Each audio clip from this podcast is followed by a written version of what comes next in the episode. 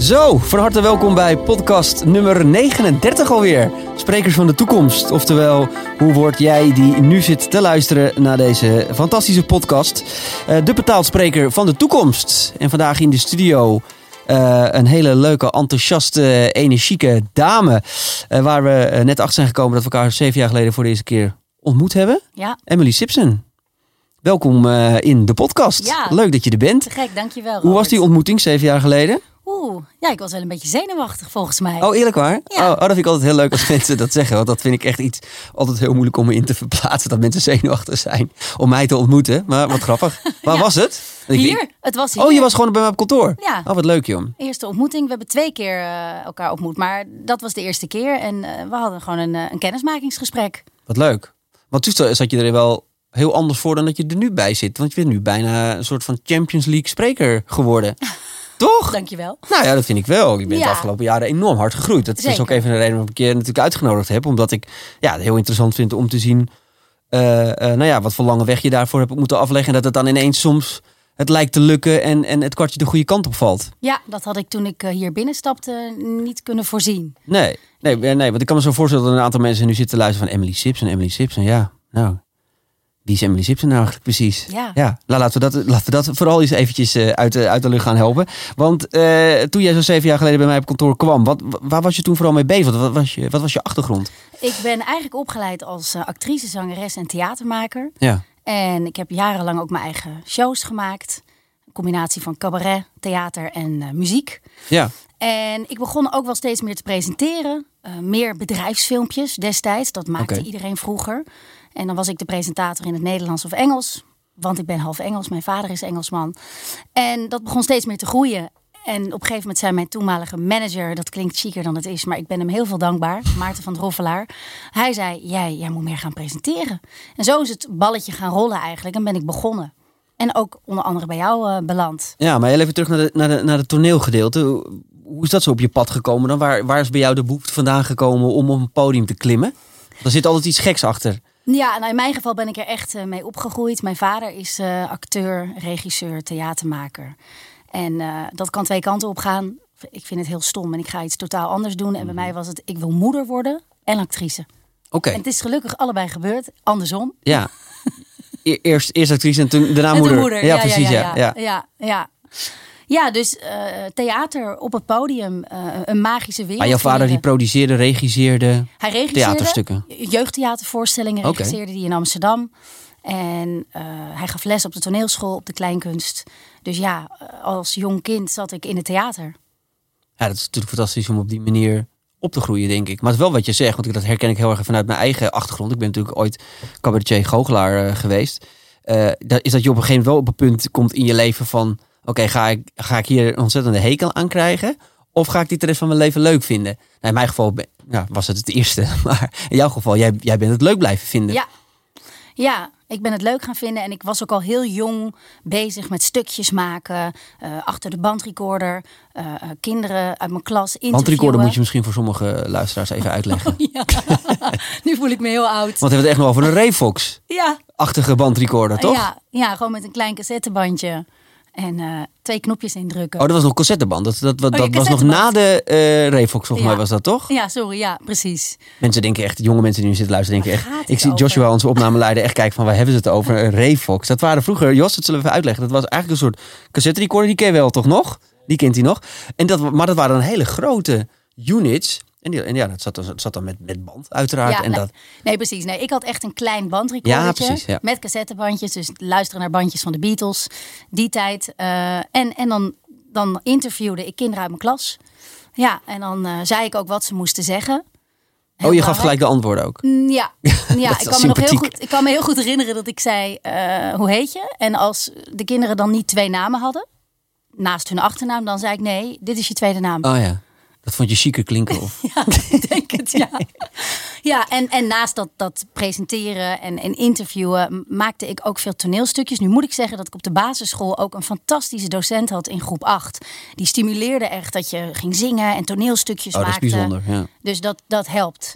Ehm, ja, Ja, meestal hoor je altijd het tegenovergestelde. hè, Dat de leraar het juist niet eh, Klopt. promoten of je erin eh, in steunen. Tenminste, in mijn geval was dat niet zo het geval. Maar, ja, eh, en is- helemaal in ja. deze tijd ook, waarbij muziek en theater, dat gaat steeds meer weg eh, binnen scholen. Maar daar heb ik heel veel mazzel mee gehad. En ik vond al heel snel iets waar ik mijn energie in wilde steken en waar ik blij van werd. Ja, want was je een druk kind? Best wel. Ja? Ja, best wel, ja. Nou ja, dat, dat, dat kan ook alleen maar in je voordeel werken. Ja. Want, hoe, want uiteindelijk ben je toneel gaan doen. Wat, wat, wat voor toneel moet ik me nou voor? Was dat ook jeugdtoneel? Of was dat... Eerst ben ik inderdaad eh, jeugdtheater gaan doen. Dus op toneelclubjes. Ook wel een beetje zingen, maar vooral het acteren. Gek doen, typetjes bedenken. Maar dan trad je op voor kinderen. Ja, ja. Ja, nou ja, trad ik op voor kinderen. Eh, Toen ik gewoon begon was ik eh, een jaar of eh 12, 13. En dan ging ik met de trein vanuit Hilversum, waar ik woonde, naar Amsterdam, naar de jeugdtheaterschool. En dan eh, gingen we daar eh, voorstellingen maken. Was het circus elleboog of niet? Dat had je vroeger toch? Ja, dat ken ik wel. Ja. Ja, nee, daar zat ik niet bij. Daar wilde ik vroeger altijd heel graag bij. Want dan mocht je niet zomaar bij. Dan moest je echt wat kunnen. Ja, Eh, en ik weet nog wel dat er een aantal andere artiesten van mijn leeftijd... Die, die gingen daar dan naar circus elleboog. En ik dacht, "Wauw, ik wil ook.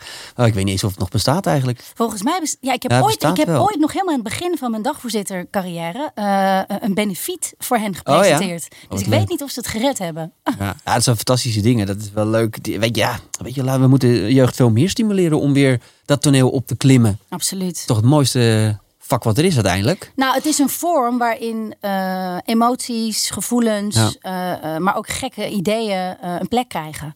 Ja. En dat is heel belangrijk voor jongeren en kinderen. Nou, en wat ik ook wel heel leuk vind eh, eh, uit jouw verhaal, en dat is iets waar ik, waar ik de laatste tijd heel erg veel over spreek, ook met mensen uit het vak. Hè, er is natuurlijk een hoop gedoe ook rondom talentenjachten en dat soort, dat soort zaken. En ik geloof heel erg, juist vooral ook in dit vak, is dat meters maken heel erg belangrijk is. En als ik jou nu hoor, weet je, je bent op je 12, 13e begonnen, ergens op uh, Loesje Podia's, ergens in Amsterdam, voor kinderen optreden. En zo heb je langzaam je route gevonden eh, naar de grote podia van Nederland. En uiteindelijk de volwassen gages en alles wat erbij komt kijken, om het zo maar te zeggen. Ehm, maar mensen willen altijd dat, tegenwoordig willen mensen maar al te graag dat proces overslaan. Ja. Die, die, die, die 12, 13 jaar ploeteren en, en, en, en een keer bier naar je gegooid krijgen. Of eh, een publiek dat niet op zit te letten. Of weet ik veel wat voor dingen je allemaal me- mee hebt gemaakt. Eh, wat ik me zo kan voorstellen. Maar dit is zo belangrijk. Die meters heb je zo nodig om uiteindelijk die grote podia aan te kunnen. Eh, want, want hoe was dat voor jou om voor, voor kids op te treden, bijvoorbeeld in het begin? Nou, ik heb later ook voor, voor kinderen en jongeren opgetreden Ja. toen ik eh, stage liep tijdens mijn opleiding aan de Hogeschool voor de Kunsten. En voor jongeren spelen is zo'n beetje het allerheftigst, moeilijkst eh, wat er is. Ja, Want jongeren reageren op alles. 100% eerlijk. Eerlijk, maar ook direct. En als ze het stom vinden, dan wordt er gewoon ook echt boel geroepen. Ja. Eh, dus daar heb ik superveel van geleerd. Maar ook zo'n theateropleiding, dat is ook heftig. Want alles wordt onder de loep genomen. Hoe je loopt, hoe je overkomt, hoe je klinkt. Mensen die met een eh Amsterdams accent of een Maastrichts accent binnenkomen, die worden echt geacht om ABN te leren spreken. Ja. Ja, ja. Ja. ik, ik, ik weet dat jarenlang is tegen mij altijd gezegd dat ik ABN moest gaan leren praten, leren spreken. Maar ik eh, heb op een gegeven moment gedacht bij mezelf, ja, ik, ben er, ik heb er ook gewoon geen zin in. Nee, Ik heb er geen zin meer in. Ik ben gewoon Robert de Vries. Ik, ik spreek Amsterdams. Ja, maar boeien. markeer toch ook wie jij bent. Ja, maar ja, goed, zo wordt dat eh, eh, natuurlijk niet altijd. eh, ik weet dat ik toen ik net in het bedrijfsleven kwam dan als, ar- als artiest, zeiden altijd mijn mede-collega's, ja, maar je moet echt van je Amsterdamse accent af, want als je daar staat, dan kan het niet en zus en zo. Dus ik heb heel lang ook logopedie gehad om, Ja. om het af te leren. Maar op een gegeven moment, ja. Je dacht, raakt een beetje verwijderd van jezelf. nou ja, dat, weet je. Ja. En ik denk dat juist, en dat, dat, dat kan jij beter vertellen dan ik, maar ik denk dat de kern van een goede artiest is wel authenticiteit. Absoluut. En jezelf durven en kunnen zijn op een podium. Dan pas word je interessant, Ja, denk ik. is helemaal waar. ja. En dat wat je, net wat jij zegt, ook met ki- voor kinderen optreden. Ja, dat is natuurlijk een van de moeilijkste dingen. Maar het is zo goed om hem in je bagage te hebben. Ja, In je bagage, in je, in je in rugzak, te hebben. Ja. ja, zeker. Zeker. Hey, en hoe is dat verder zich daarna gaan ontwikkelen? Hoe heb jij toen eh, eh, de stap naar volwassen entertainment gemaakt, om het zo maar te zeggen? Hoe, hoe zag dat er dan uit? Daar ben ik heel nou, benieuwd naar. Je want ik doet kan niet zo goed je doet zo'n opleiding en eh, eh, je zit met z'n tienen in een klas. Dus het is net een familie. Het is niet zoals een normale studie. je gaat een paar uurtjes naar college. Nee, je zit gewoon van negen tot, tot zes en ook s'avonds, vijf dagen in de week, met elkaar. theaterlessen te krijgen, stemlessen, bewegingslessen. Hoe sta je? Hoe kom je over? Het hele pakket. En op een gegeven moment ben ik stage gaan lopen. En toen ben ik zelfs naar Londen gegaan. Heb ik een master gedaan in theater maken. Nou, dat, wat daar fantastisch was, is je komt in een hele grote stad. Niemand kent je. Dus je begint gewoon met een schone bladzij. En dat is heel lekker, want iedereen heeft toch een bepaald beeld van Emily Zipsen. Oké. En ik vond het heel verfrissend om in zo'n stad te zijn waar niemand mij nog kent.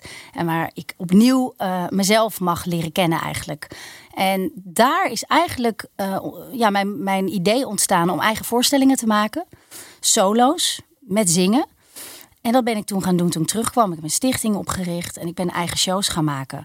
En heb met kleine teams, waar ik dan subsidie voor kreeg. En iedereen kon betalen, behalve mezelf. eh, ben, ik, ben ik gaan spelen en het gaan doen. En heb ik, ja, ben ik dankbaar dat ik met twee impresariaten heb mogen samenwerken. Want ja, net als in de sprekerswereld heb je toch wel een boeker nodig. Ja. En dat is in de theaterwereld niet anders. En dat is gelukt. Nou ja, en eh, op een bepaald punt de crisis van 2008, nou ja, de financiële crisis, die ehm, raakte alle eh, ja, sectoren, zou je kunnen zeggen. Ook de culturele sector. En eh, ja, toen, toen dacht ik, jeetje, wat ga ik nou doen? En toen zei die manager, wat ik aan het begin zei, jij hebt een talent voor presenteren. Waarom ga jij niet als dagvoorzitter aan de slag?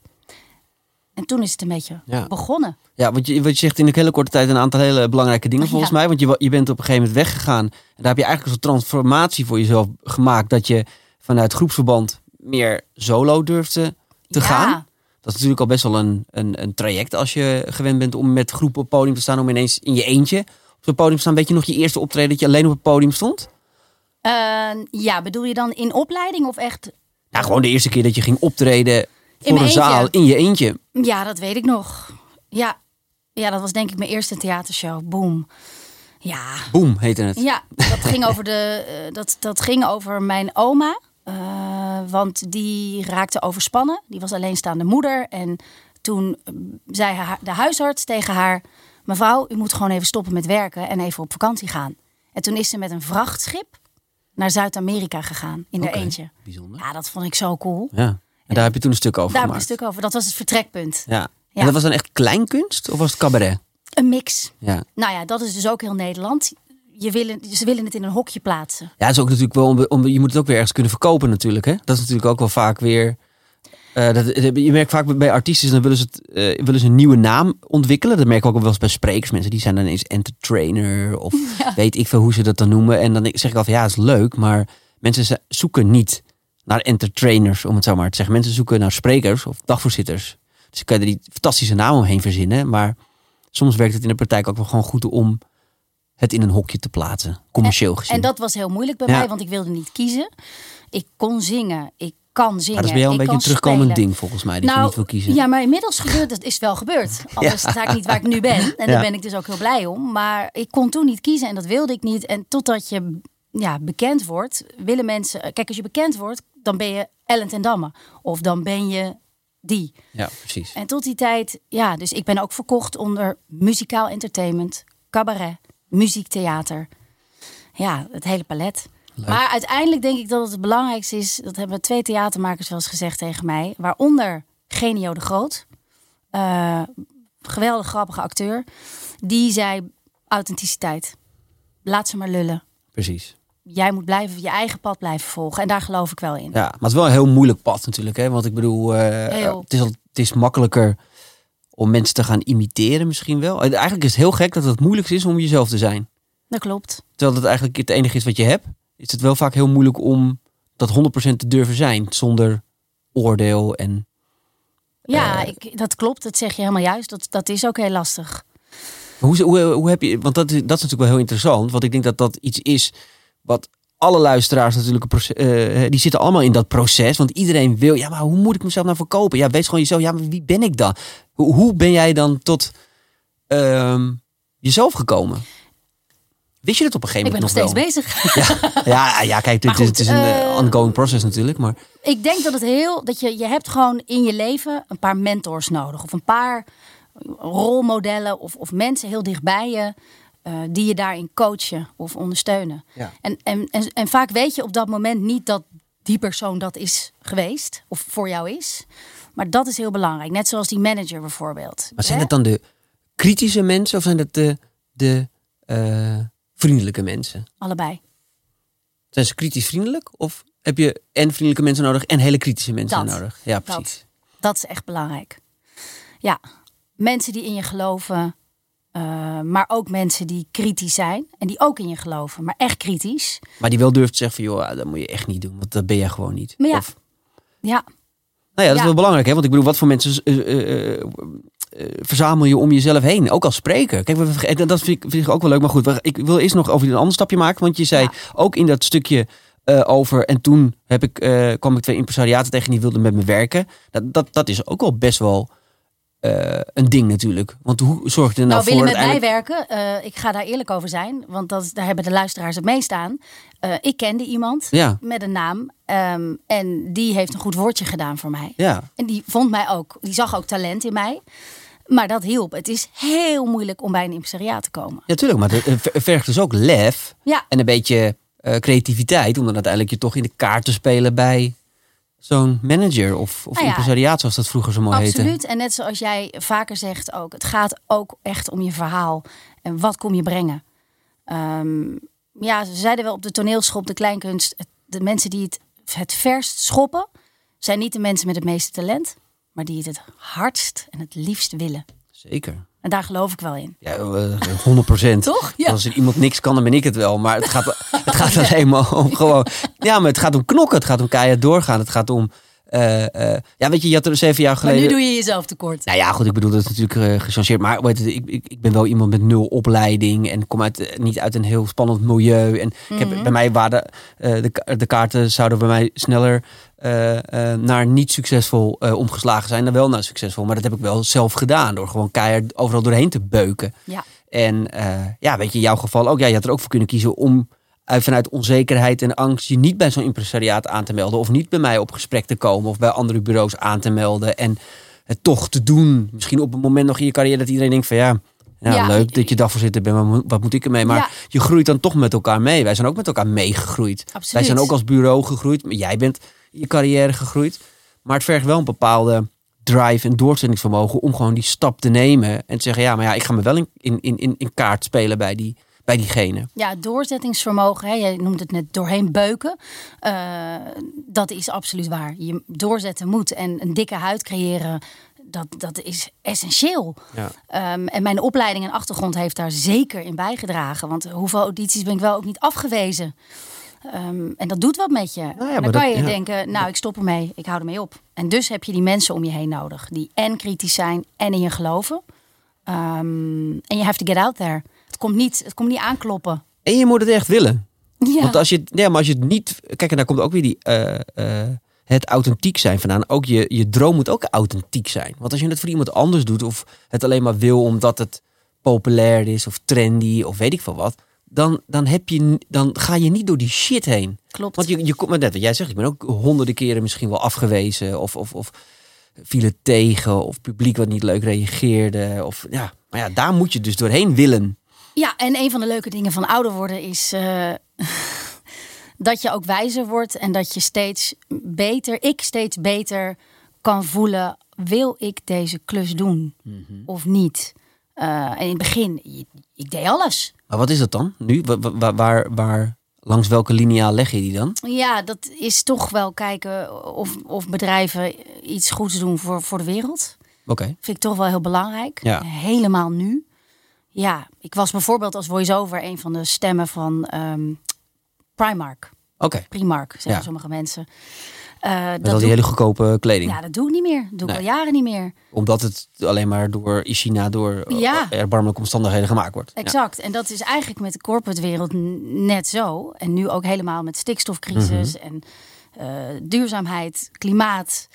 En dat vind ik soms best wel ingewikkeld. Want ja, je wil ook Ja, toffe klussen tuurlijk. doen en, en, en aan het werk blijven. En laten we heel eerlijk zijn, de, de grootste klantenkring zijn toch de banken, de verzekeraars, de, de, de, de, de Shells, de, noem ze allemaal maar op. Dat zijn toch grote boekers in de wereld.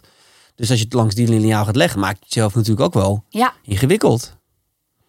Dat is. Ja. Dat is zo. Maar, ja. het, is, maar het, is wel, eh, het is wel wie jij bent. Nou ja, precies. authentiek. Je wordt dus steeds meer wie je bent. En, Ja. en eh, daar geloof ik ook in. En ja, daar horen dat soort keuzes bij.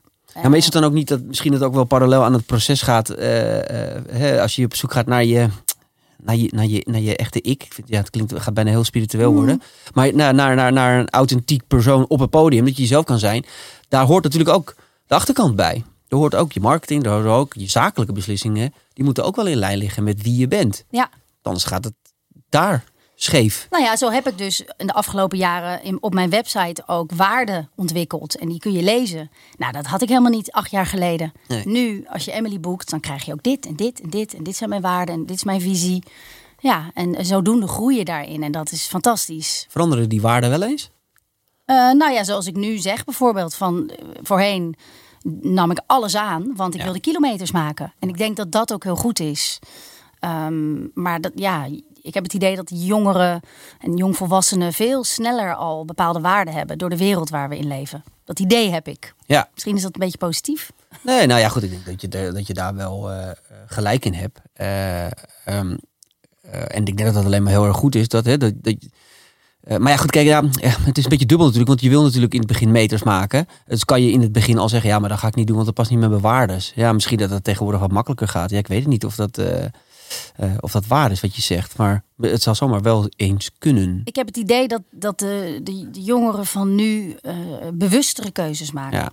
ja, alleen aan de andere kant is deze generatie misschien weer wat. Wij komen echt uit de knok en een vechtgeneratie. En zijn, zijn misschien wat makkelijk, Ja. makkere eh, genera- generatie. Maar goed, dat maakt verder dus ook niet zo heel Nou veel ja, uit. en Maar- iedereen wil, hè, wat, wat ik je ook heb horen zeggen eerder van eh, eh, vroeger wil je artiest worden of beroemd worden. Ik wil Ja. ook beroemd worden. En nu is het influencer of spreker. Of Ja. coach. Ja, och jee, we willen allemaal coach worden. Nou, maar spreker is wel echt wel een, de, de, de nieuwe kunstvorm, wat natuurlijk ontzettend in de aandacht is gekomen. Dat is ook de reden waarom ik deze podcast natuurlijk ook ben begonnen. Omdat zoveel mensen willen spreker worden.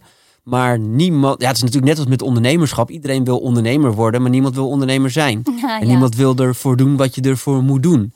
En eh, dat is natuurlijk ook met spreker worden. Je wordt niet zomaar een succesvol spreker. Nee. That's not how it works. Dat, daar gaat een hele hoop tijd in zitten. Er gaat een heel proces in zitten.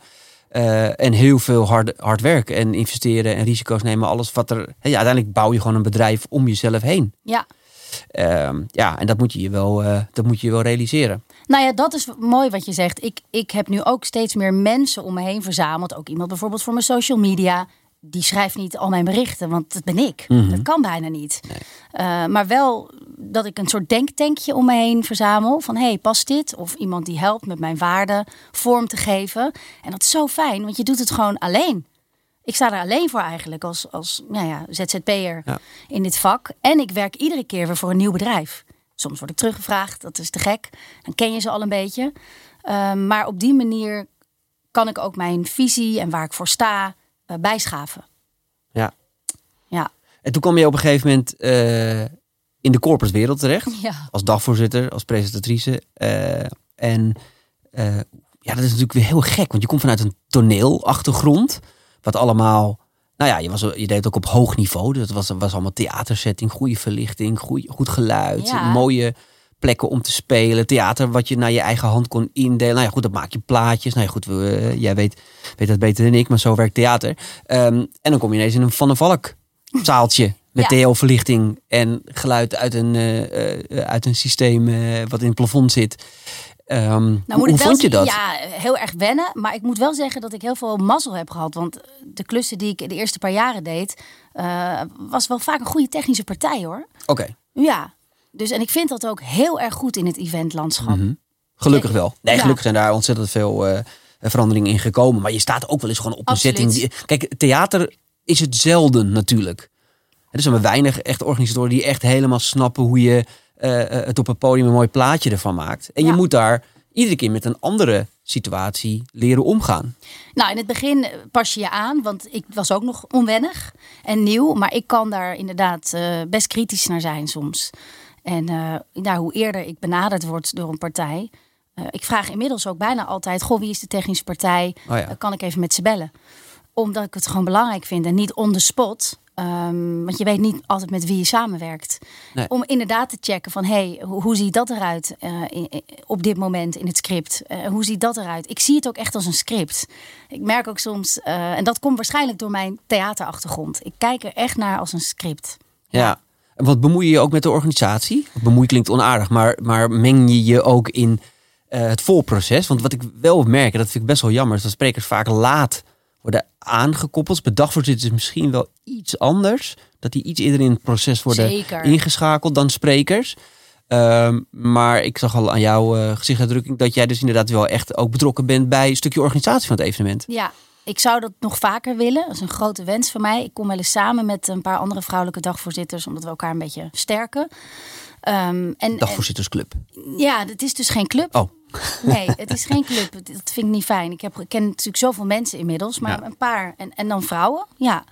Soms is het toch ook heerlijk om gewoon een beetje in een soort van... Ja, club is natuurlijk een gek woord, maar het is Ja. wel lekker om even af en toe gewoon met vakbroeders en zusters te, te praten over de ervaringen. Absoluut. Ja, heel en- belangrijk. En, ook vragen die je hebt of, of twijfels. Gewoon om te sparren. Ehm, wat was de vraag ook alweer? Eh, we hadden het over het eh, mengen in, eh, in de organisatie. Oh ja. Ehm, ja, ik, ik vind ook helaas dat ik vaak te laat word betrokken. Ehm, en ik, ja, ik uit mezelf daar wel vaak over. Maar goed, als je heel last minute wordt ingevlogen voor een event, dan kan het vaak niet meer. Maar het liefst doe ik dat wel. Ja, van goh, mag ik, mag ik me mengen in, in, in de opstelling bijvoorbeeld, of eh, in de volgorde, of in de opbouw. Nou, het is zo belangrijk dat ook opdrachtgevers die nu zitten te luisteren, ga, je, ga dat alsjeblieft doen. Ga sprekers, maar als überhaupt je al je leveranciers eerder betrekken bij het proces. Want vaak eh, organisatoren die bedenken het, die zetten het neer en dan gaan er dan poppetjes bij zoeken om het zo maar te zeggen. Nou, jij gaat presenteren, ja. Maar weet je, die mensen die je inhuurt, dat zijn allemaal vakprofessionals. Die weten allemaal precies hoe het moet en hoe het kan en hoe het anders kan en vanuit andere invalshoeken. Betrek die mensen er eerder bij. Maar bij wie je- ligt die verantwoordelijkheid, denk jij? Want dat vind ik best een lastige. Ja, bij de, bij de organisatie. Ja, Want kijk, weet je, wat is, wij, ook wij als boekingsbureau krijgen dan, worden te laat ingeschakeld om mee te denken. Ik vind dat heel jammer. Ik bedoel, ik, bedoel, ik zit al twintig jaar eh, in het vak. We weten inmiddels wel hoe je een mooi de inhoud van een congres kan overbrengen op je bezoekers. Dus Ja. betrek zowel en het bureau en dus ook de sprekers veel eerder in het proces. Dan van ja, we moeten, oh ja, we moeten ook nog even een telefonische werkbespreking met die spreker. Zonde, je betaalt bakken met geld voor zo'n spreker, laten we eerlijk zijn. Eh, nou ja, maak dan ook gebruik van de expertise. Zeker Ja. van de dagvoorzitter. Je hebt zo'n belangrijke rol in het programma. ja. Nee, ja, ik ben dat heel erg met je eens. En het gebeurt toch nog te weinig, vind ik. Ja. Ja, Want vertel eens, vertel eens wat over die eh, dagvoorzitterschap. Hoe, dat, ehm, eh, hoe jij dat vormgeeft en hoe, hoe jouw rol is op zo'n dag. En, en, en hoe je dat als theaterdier, hoe je daar tegenaan kijkt. ja ehm, nou ja, het hangt heel erg af van de opdracht. En eh, te- tegenwoordig heb je natuurlijk online events, live events, hybride. eh, events van een paar uur of toch van een hele dag of zelfs meerdere dagen. Ehm, dus dan is de aanpak wel anders. Maar je wil eigenlijk weten hoe ik het aanpak vanaf het begin. Ja, gewoon kijk, ja, meer ook, we- weet je, eh, hoe ver gaat jouw rol in zo'n programma? Ben je puur alleen aan het aan- en afkondigen van de sprekers? Zo ben ik begonnen, zo ben ik gestart. Precies, dat is meestal zo. Maar op een Ja. gegeven moment wil je je ook ergens wat gaan inlezen, kan ik me voorstellen. Absoluut, absoluut. Maar, ja. maar trek je daar ook ergens een grens? Want ja, je, je kan uiteindelijk wel, kan je natuurlijk ook eh, eh, het bedrijf op een gegeven moment overnemen als je op een gegeven moment alles maar weet. Ja, Maar dat is een keuze. Hè? Sommigen die, ze gaan daar heel ver in. Anderen die, die Nou, voor sommigen, soms, soms komt er een, een opdracht op mijn pad en dan merk ik al in het voorgesprek, oh, ze hebben echt een expert nodig. En dan zeg ik, dat ben ik niet. En soms ben ik het wel, maar, maar, maar soms ook niet. En dan kiezen ze voor iemand anders. Maar meestal eh, ja, kijken we gewoon naar, naar het hele programma. En ik ben inderdaad de rode draad vaak voor de opening, eh, ehm, de afkondigingen, maar ook interviews. Ehm, maar ook sessies leiden. Dus er zijn vaak plenaire sessies. En dan moet ik me wel inlezen. Ja. En dat vind ik heel leuk. Ik noem mezelf eigenlijk tegenwoordig, als ik met mensen over mijn werk oh god, daar komt hij. noem Ja. ik mezelf de Eva Jinek eh Oh, van oké. bedrijven. Ook denk je hebt een nieuw soort the- thema, zoals Nee. entertainer of zo nee, bedacht. nee, nee, ik noem ik grappig dat ik Eva Jinek. Ik vind Eva Jinek eh, heel erg goed. Fantastisch, ja, Ehm, zeker. Ja, en, en die krijgt veel op zich af ook. Maar ik, ja, ik noem mijzelf eigenlijk zo. De Eva Jinek van het... Van de corporate eh Van de corporate wereld. Ja, ja, ja, ja, ja, snap dan snappen mensen het meteen. En dan zeg ik ook vaak erbij eh, dat ik heel veel in het Engels doe. Mhm. Ik denk dat de helft van mijn opdrachten of meer eh, zijn eh, in het Engels. Ehm, ja. Nou ja, En- dat is heel en- belangrijk. Dan- Dan snijd je ook een heel commercieel ding aan gelijk. Goed native Engels kunnen spreken is natuurlijk fantastisch in de corporate wereld. Want er worden veel congressen in het Engels gedaan, ook in Nederland. Ja, en los van, van dus die interviews doen of een subsessie leiden of een paneldiscussie leiden, ben ik ook echt een energiegever. Ehm, aan het publiek. Ja. Ik denk, eh, ik heb een soort natuurlijke spontaniteit. Daar hoef ik niet zoveel voor te doen. Ik moest heel veel afleren daarvoor toen ik op de toneelschool zat. Want ik dacht, ik moet wat doen, want ik sta op een Oh ja. podium. Maar ik heb het cadeau gekregen. Ik kan heel veel niet, maar ik heb het cadeau gekregen dat als ik op een podium sta, dan is er eigenlijk al heel veel. En dat heb ik mogen Oh ja. ondervinden en leren. Dus je was eigenlijk te enthousiast en Ik- dat heb je iets moeten afschapen. Ja, heb ik moeten ja, Het is gewoon niet nodig. Nee. Eh, en natuurlijk, inmiddels weet ik Voor je dat... stuiterbal op het podium. Dat is Ja. niet leuk om naar te kijken. Dat is niet leuk om naar te kijken. Nee, en eh, als ik voor hele grote zalen sta, eh, laatst stond ik in de vanillefabriek, ja, dat is te gek. Dan moet je het wat groter aanzetten. Mhm. En ja, ik ben een beetje ondeugend af en toe. Je krijgt met mij geen saaie dagvoorzitter. Dus ik, ik geloof. Je zingt ook af en toe wel eens ook gewoon nog, hè, Ja, toch? ja, en dan heb zeg ik je wel eens ja, eh, klopt. Het zien komt, doen, volgens dat mij. komt soms voor. Eh, het wordt heel Maar is dat dan gezegd. spontaan of, of bereid je dat van tevoren? Ja, van tevoren, tuurlijk. Ja. Nee, dat Nou ja. kan niet. Schud je dat uit je mouw? Nou, soms, heel soms doe ik het wel eens, ja. Dat is waar. Maar mensen zeggen heel vaak hè, op een borrel of zo... Oh, leuk, waarom ben je die zingende dagvoorzitter? En dan zeg ik, nou, de zingende dagvoorzitter... Oh, alsjeblieft, het doe het niet. Doe het Nee, niet. Het klinkt gewoon niet. niet. En het We hebben heel veel geprobeerd. Dat is nooit een succes geworden. Nee, over hokjes gesproken. Nee, het, het, het heeft meteen iets goedkoops. Het heeft meteen iets... Ja, ik weet niet. Ah, Wat het, is, vind het, jij? is, het, is, het is- ja, het, is, het is gelijk uh, feesttent eh, gehalte. En dat wil je niet op je congres. Eh, en, en ik, zeg zo, ik zeg sowieso altijd, ehm, bij heel veel kunstvormen, eh, goochelaars, jongleurs, cabaretiers. in het bedrijfsleven moet je eigenlijk, moet dat een verrassing zijn. Snap wat ik bedoel? Dus je verkoopt jezelf gewoon als spreker. En dan blijkt het dat je ook nog eens een keer verdomd grappig bent. Of, nou, die gast pa- pa- pakt ineens eh, onze producten en begon te jongleren. Of, de- wat een verrassing. Maar als je het gaat verkopen echt van, ik ben de jongleur. Of ik ben de goochelaar. Dat is best lastig. Want daar zit, eh, hangt heel vaak al een vooroordeel Ja. aan vast. Eh, en we hebben dat best wel vaak in concepten gedaan. Dat noemden we dan verborgen theater. Dus bijvoorbeeld, eh, dan werd er op het programma een professor aangekondigd in een bepaalde leer. Ehm, en die kwam dan op het podium. En dat bleek dan een cabaretier te zijn. Dat werd dan uiteindelijk een heel komisch verhaal. Maar dat, was, dat verwachtte niemand. En daardoor was het heel erg leuk. Ehm, Ja, op die manier zet ik het ook in. ja, Van, goh, zou het passen als ik dan op dat moment opkom en dan ga ik zingen? Ja, dat gebeurt af en toe. En dat is best wel magisch, want mensen hebben echt zoiets van, huh? ja. ja, maar dan is het ook heel tof. Omdat het een bepaald iets doorbreekt ook. Kan ik Ja. me voorstellen. Want niemand verwacht het. En ineens op een congres gaat iemand staan te zingen. Klopt. Laatst eh, was ik een moderator bij, een dagvoorzitter bij een eh, non-profit organisatie om eh, vluchtelingen te integreren op de arbeidsmarkt. Nou ja, iets wat natuurlijk hot topic is nu.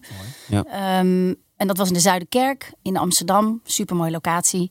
Eh, in de zaal zaten verschillende stakeholders, corporates, maar ook eh, vluchtelingen. En ik zei, nou, ik moet hier gewoon afsluiten met, met een lied.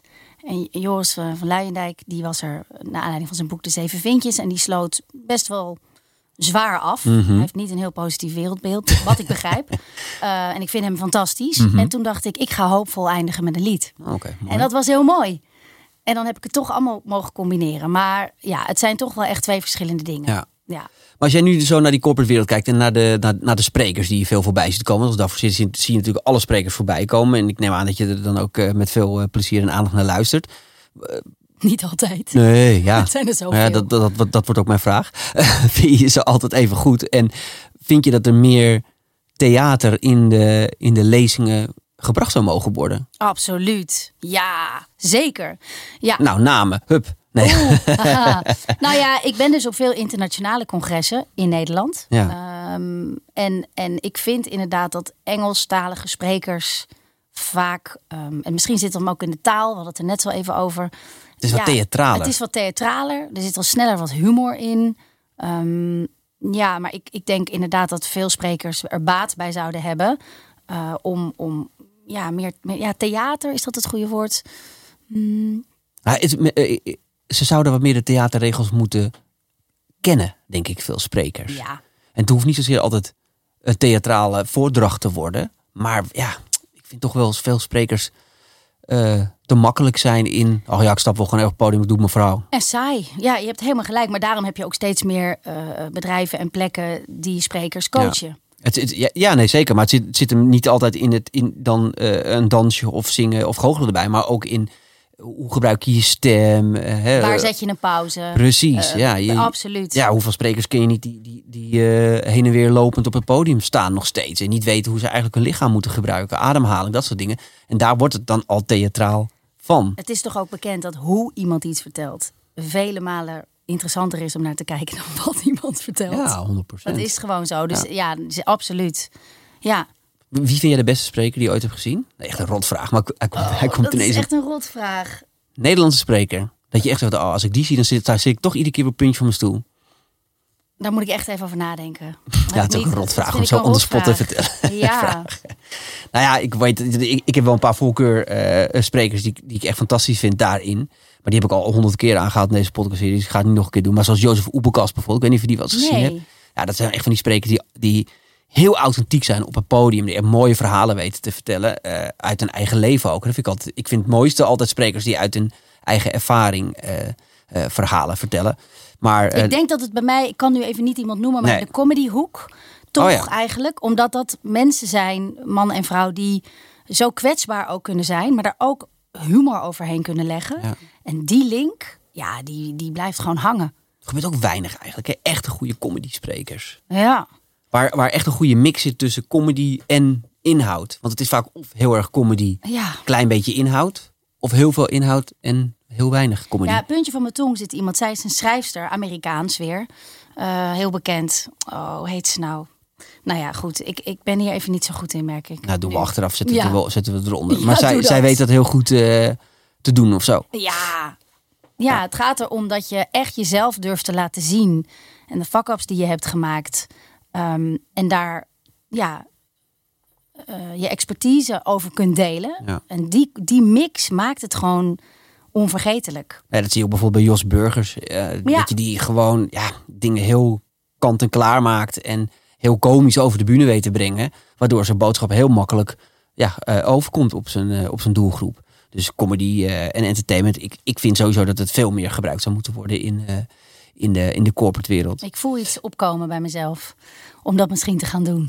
Oh ja? Ja. Ook dat je een stukje wilde gaan zingen. Ik denk, Nee, nee. Jij kan alle kanten van deze podcast hoor. Oh, je bedoelt om, om wat meer comedy, wat meer cabaret in, Ja. in, in inhoud. Het, eh, Ja, om het zelf te doen ook. Ja, en het is, dat is fantastisch. Zeker als je ervoor zorgt dat de inhoud ook eh, staande blijft in zo'n corporate omgeving. Hè? Want Ja. dat, moet, dat is vaak een beetje jammer dat vaak dan toch de theatermensen de corporate wereld te weinig kennen. Maar dat klopt, maar zeker in Nederland denk ik dat je kan heel veel maken op een podium. Zeker. Heel veel vertellen hier. Dus als je dat Je kan in grof hebt, zijn, je kan hard zijn. Ex- exact. Veel meer dan bijvoorbeeld in Amerika. Ja. Dus eh, ja, co- comedians, tekstschrijvers. Ja, go for it. Go ja, for ja, it. ja, ja, 100%. Ik bedoel, eh, en, en we werken veel met de comedians samen hoor. Die dat doen. Ik- Bijvoorbeeld Dolf Jansen vind ik erg goed. Hij is heel goed. Maar ook bij eh bedrijven, die gaat gewoon staan en die, die, die doet bijna 100% maatwerk over de groep waar hij voor staat. En improviseert hij er dan ook op los? Of is ja, dat weet ik dus niet. Ja, ik denk dat het wel, ik denk dat het wel goed voorbereid ook is. Maar hij, hij, hij pakt ook veel mee van het programma. Weet je, dus je, je hoort gewoon dingen terug de hele tijd. Maar het is ook echt verdomd grappig. En dat is natuurlijk nog best wel eens lastig. Want je hebt ook wel eens comedians die dat dan doen. Maar dan, ja, dan merk je gewoon, ja, dat is geen grap die je al honderd keer gedaan hebt. Dus die werkt nog niet helemaal lekker. Maar bij Dolph Jansen, joh, ja, die heeft, die, ik vind dat fantastisch knap hoe die dat, eh, hoe die dat bijvoorbeeld doet. En ja, dat, daar, ja, die jongens hebben dan ook veel werk. Want dat is natuurlijk heerlijk, eh, heerlijk materiaal. Maar zou dat voor jou dan überhaupt niet eens een eh, interessante stap zijn om te kijken of je niet... Zou je niet ook wat meer naar het sprekersvak bijvoorbeeld Ja. toe willen gaan? Want je bent nu heel succesvol dagvoorzitter. Nou, ik doe dit, maar dat hoef ik niet eens te doen trouwens. Je bent succesvol dagvoorzitter. Eh, ehm, je ziet al die sprekers voorbij komen. Zou je niet eens ook... eh, ik weet, weet je antwoord weet al hoor, maar... Ja, nee, ik wil het heel graag. Het is absoluut een wens. Ja. Maar de inhoud is heel belangrijk. Ja, En verhaal. En eh, ik, ik, ik, ik, ik heb het verhaal nog niet gevonden. nee. Ehm, dus eh, dat is is proces. Een beetje, dat is een van proces. tijd. Maar Ja. ik wil het wel heel graag. Ja, en ik denk ook dat er behoefte aan is. Ja, en ook wel misschien omdat het meer optreden is misschien. Meer optreden, ja. En, en, maar ik Snap wil, wat ik bedoel? Hè? Je, Ja. je bent natuurlijk echt toneelmens. Dus een, een optreden is iets anders dan een presentatie. Iets, iets presenteren. Ja, maar ik heb dus nu zo mogen leren om mijn persoonlijkheid als dagvoorzitter vorm te kunnen geven. eh, dat het op zich niet heel ver er vandaan ligt. En dan ook Nee. nog met die theaterachtergrond, met mijn eigen verhalen, deels verzonnen, deels waar gebeurd. Zou, zou de stap zo gemaakt eh, kunnen zijn? Wat denk jij? Ja, ik, nou ja ik, ik, ik, ik denk dat dat zeker iets is wat je kan doen. We hebben het van tevoren er al stiekem een klein beetje over gehad met z'n tweeën natuurlijk. En, en het enige is, het is heel lastig als je als dagvoorzitter succesvol bent om de stap te maken naar eh spreekopdrachten.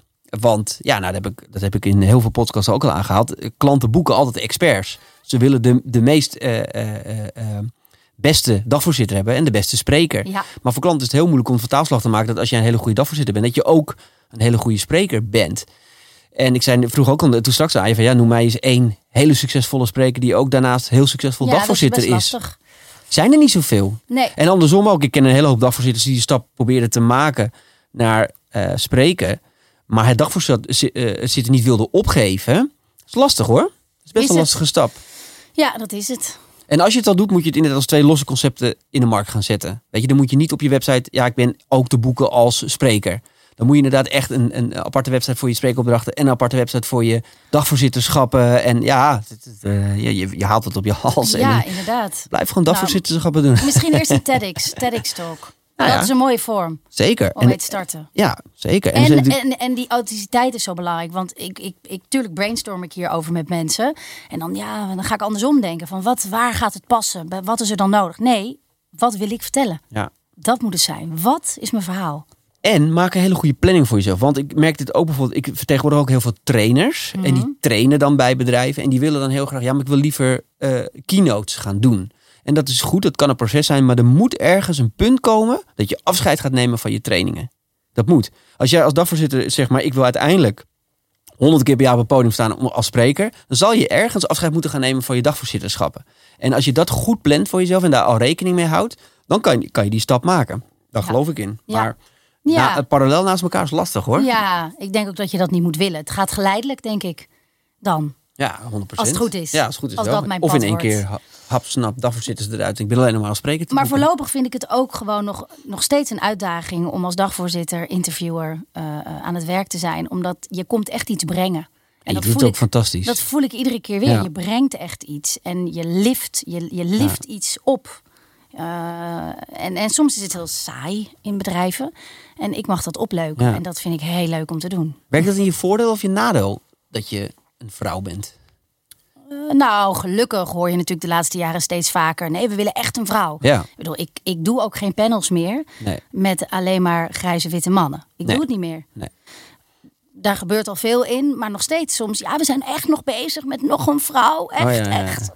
Oké, oké. En, en, en tuurlijk, soms zit er een panel bij. Nou ja, dat zijn dan inderdaad. Maar, maar ja, ik denk dat het in mijn voordeel werkt inmiddels. Ehm, alleen zie ik ook dat de dagvoorzitters groeien. Het groeit enorm en ik ben al wat ouder aan het worden. Dus je ziet ook nu heel veel jonge dagvoorzitters Ja. opkomen. En ik ben al nieuwsgierig hoe zij het doen. Ja.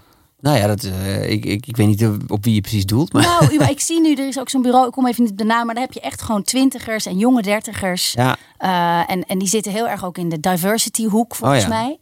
Ehm, Nou ja, we hebben ook wel een aantal jonge dagvoorzitters natuurlijk. Alleen, ja, het is, ja, het is, we moeten meters maken. eh, ja, Weet je, die zullen over tien jaar zullen ze, weet dat, kunnen zeggen van ja, nu ben ik echt heel succesvol. En er zijn natuurlijk altijd een aantal uitzonderingen daar die bijvoorbeeld bekend zijn op tv of Ja. weet ik veel dergelijks. Dan heb je altijd eh, wat, eh, wat pluspunten bij de organisatie. Maar dat, eh, ja, dat moet zich altijd weer, eh, weer gaan ver- terugverdienen natuurlijk uiteindelijk. ja. Dat heeft wat tijd nodig. Hey, maar als jij dan eh, kijkt naar ehm, eh, ehm, eh, het zakelijke aspect. Hè? Want ik bedoel, ja, je, uiteindelijk ben je succesvol geworden. Je hebt, je, je hebt goede klussen gekregen. Hè? Je krijgt ook de betere eh, klussen. Wat zou je nog aan beginnende sprekers of dagvoorzitters kunnen meegeven om eh, aan die business ook uiteindelijk te komen? Dat, dat is vaak toch wel lastig. Ja, het is het hele, hele plaatje. Ehm, mensen om je heen verzamelen, doorzetten, eh, steeds duidelijker hebben wel- welke opdrachten en bedrijven je blij maken en waar je je echt goed voelt en je jezelf kunt zijn. Ehm, kijk je materiaal terug. Dat doe ik heel strikt. Het lukt niet altijd en krijg niet altijd het materiaal. En dat kan nu makkelijker met de online, online events. Ehm, omdat je echt, ja, het is heel confronterend, Ja. maar heel belangrijk. Je filmt het gewoon en dan ga je terugkijken. Het wordt gefilmd, ja, Ja. en dan kijk ik het terug. En daar leer je heel veel van. En het is in het begin denk je, "Oh, mijn stem, oh," maar het is zo goed om naar jezelf te kijken. Mhm. Uh, en echt op een gegeven moment als een soort regisseur te kijken, oh, dat wat ik daar doe vind ik echt niet leuk. Um, en, en, en je voorbereiding ook steeds, um, ja, om daarop te reflecteren. Oké, okay. want dat is best wel uitdagend vind ik aan dit vak. eh, oké, ik heb dan een klus in maart. Het is nu eh, begin februari. Het indelen, het plannen. eh, dat, dat gaat soms kriskras door elkaar heen. Ja. Ehm, en, en, en dat is best spannend. Daar word je wel steeds beter in. Wat nog meer? Ehm, Maar ook qua sales, hè? Pak die, hoe, hoe makkelijk was het voor jou om de telefoon op te pakken en, en naar, naar bureaus te gaan bellen, naar agencies te gaan bellen, naar eh, organisatoren te gaan bellen? Want uiteindelijk heb je dat allemaal zelf gedaan. Ja, nou, ik ben daar heel goed in, kan ik zeggen. Omdat ik... eh, ja, je moet een bepaalde lef hebben. Ja. Lef, wilskracht. ehm, dus, dus lef heb je nodig. Ja, maar helpt het ook? Want hè, heel veel mensen van ja, niemand zit op mij te wachten. eh, Helpt het? Ja, je hebt het nodig. Als je Ja. geen lef hebt, dan, dan kom je nergens. Tuurlijk heb je lef nodig. En, en, en, en je moet een beetje brutaal zijn. Ehm, en, en een beetje een beeld hebben van wat je wil doen en waarom je het wil doen.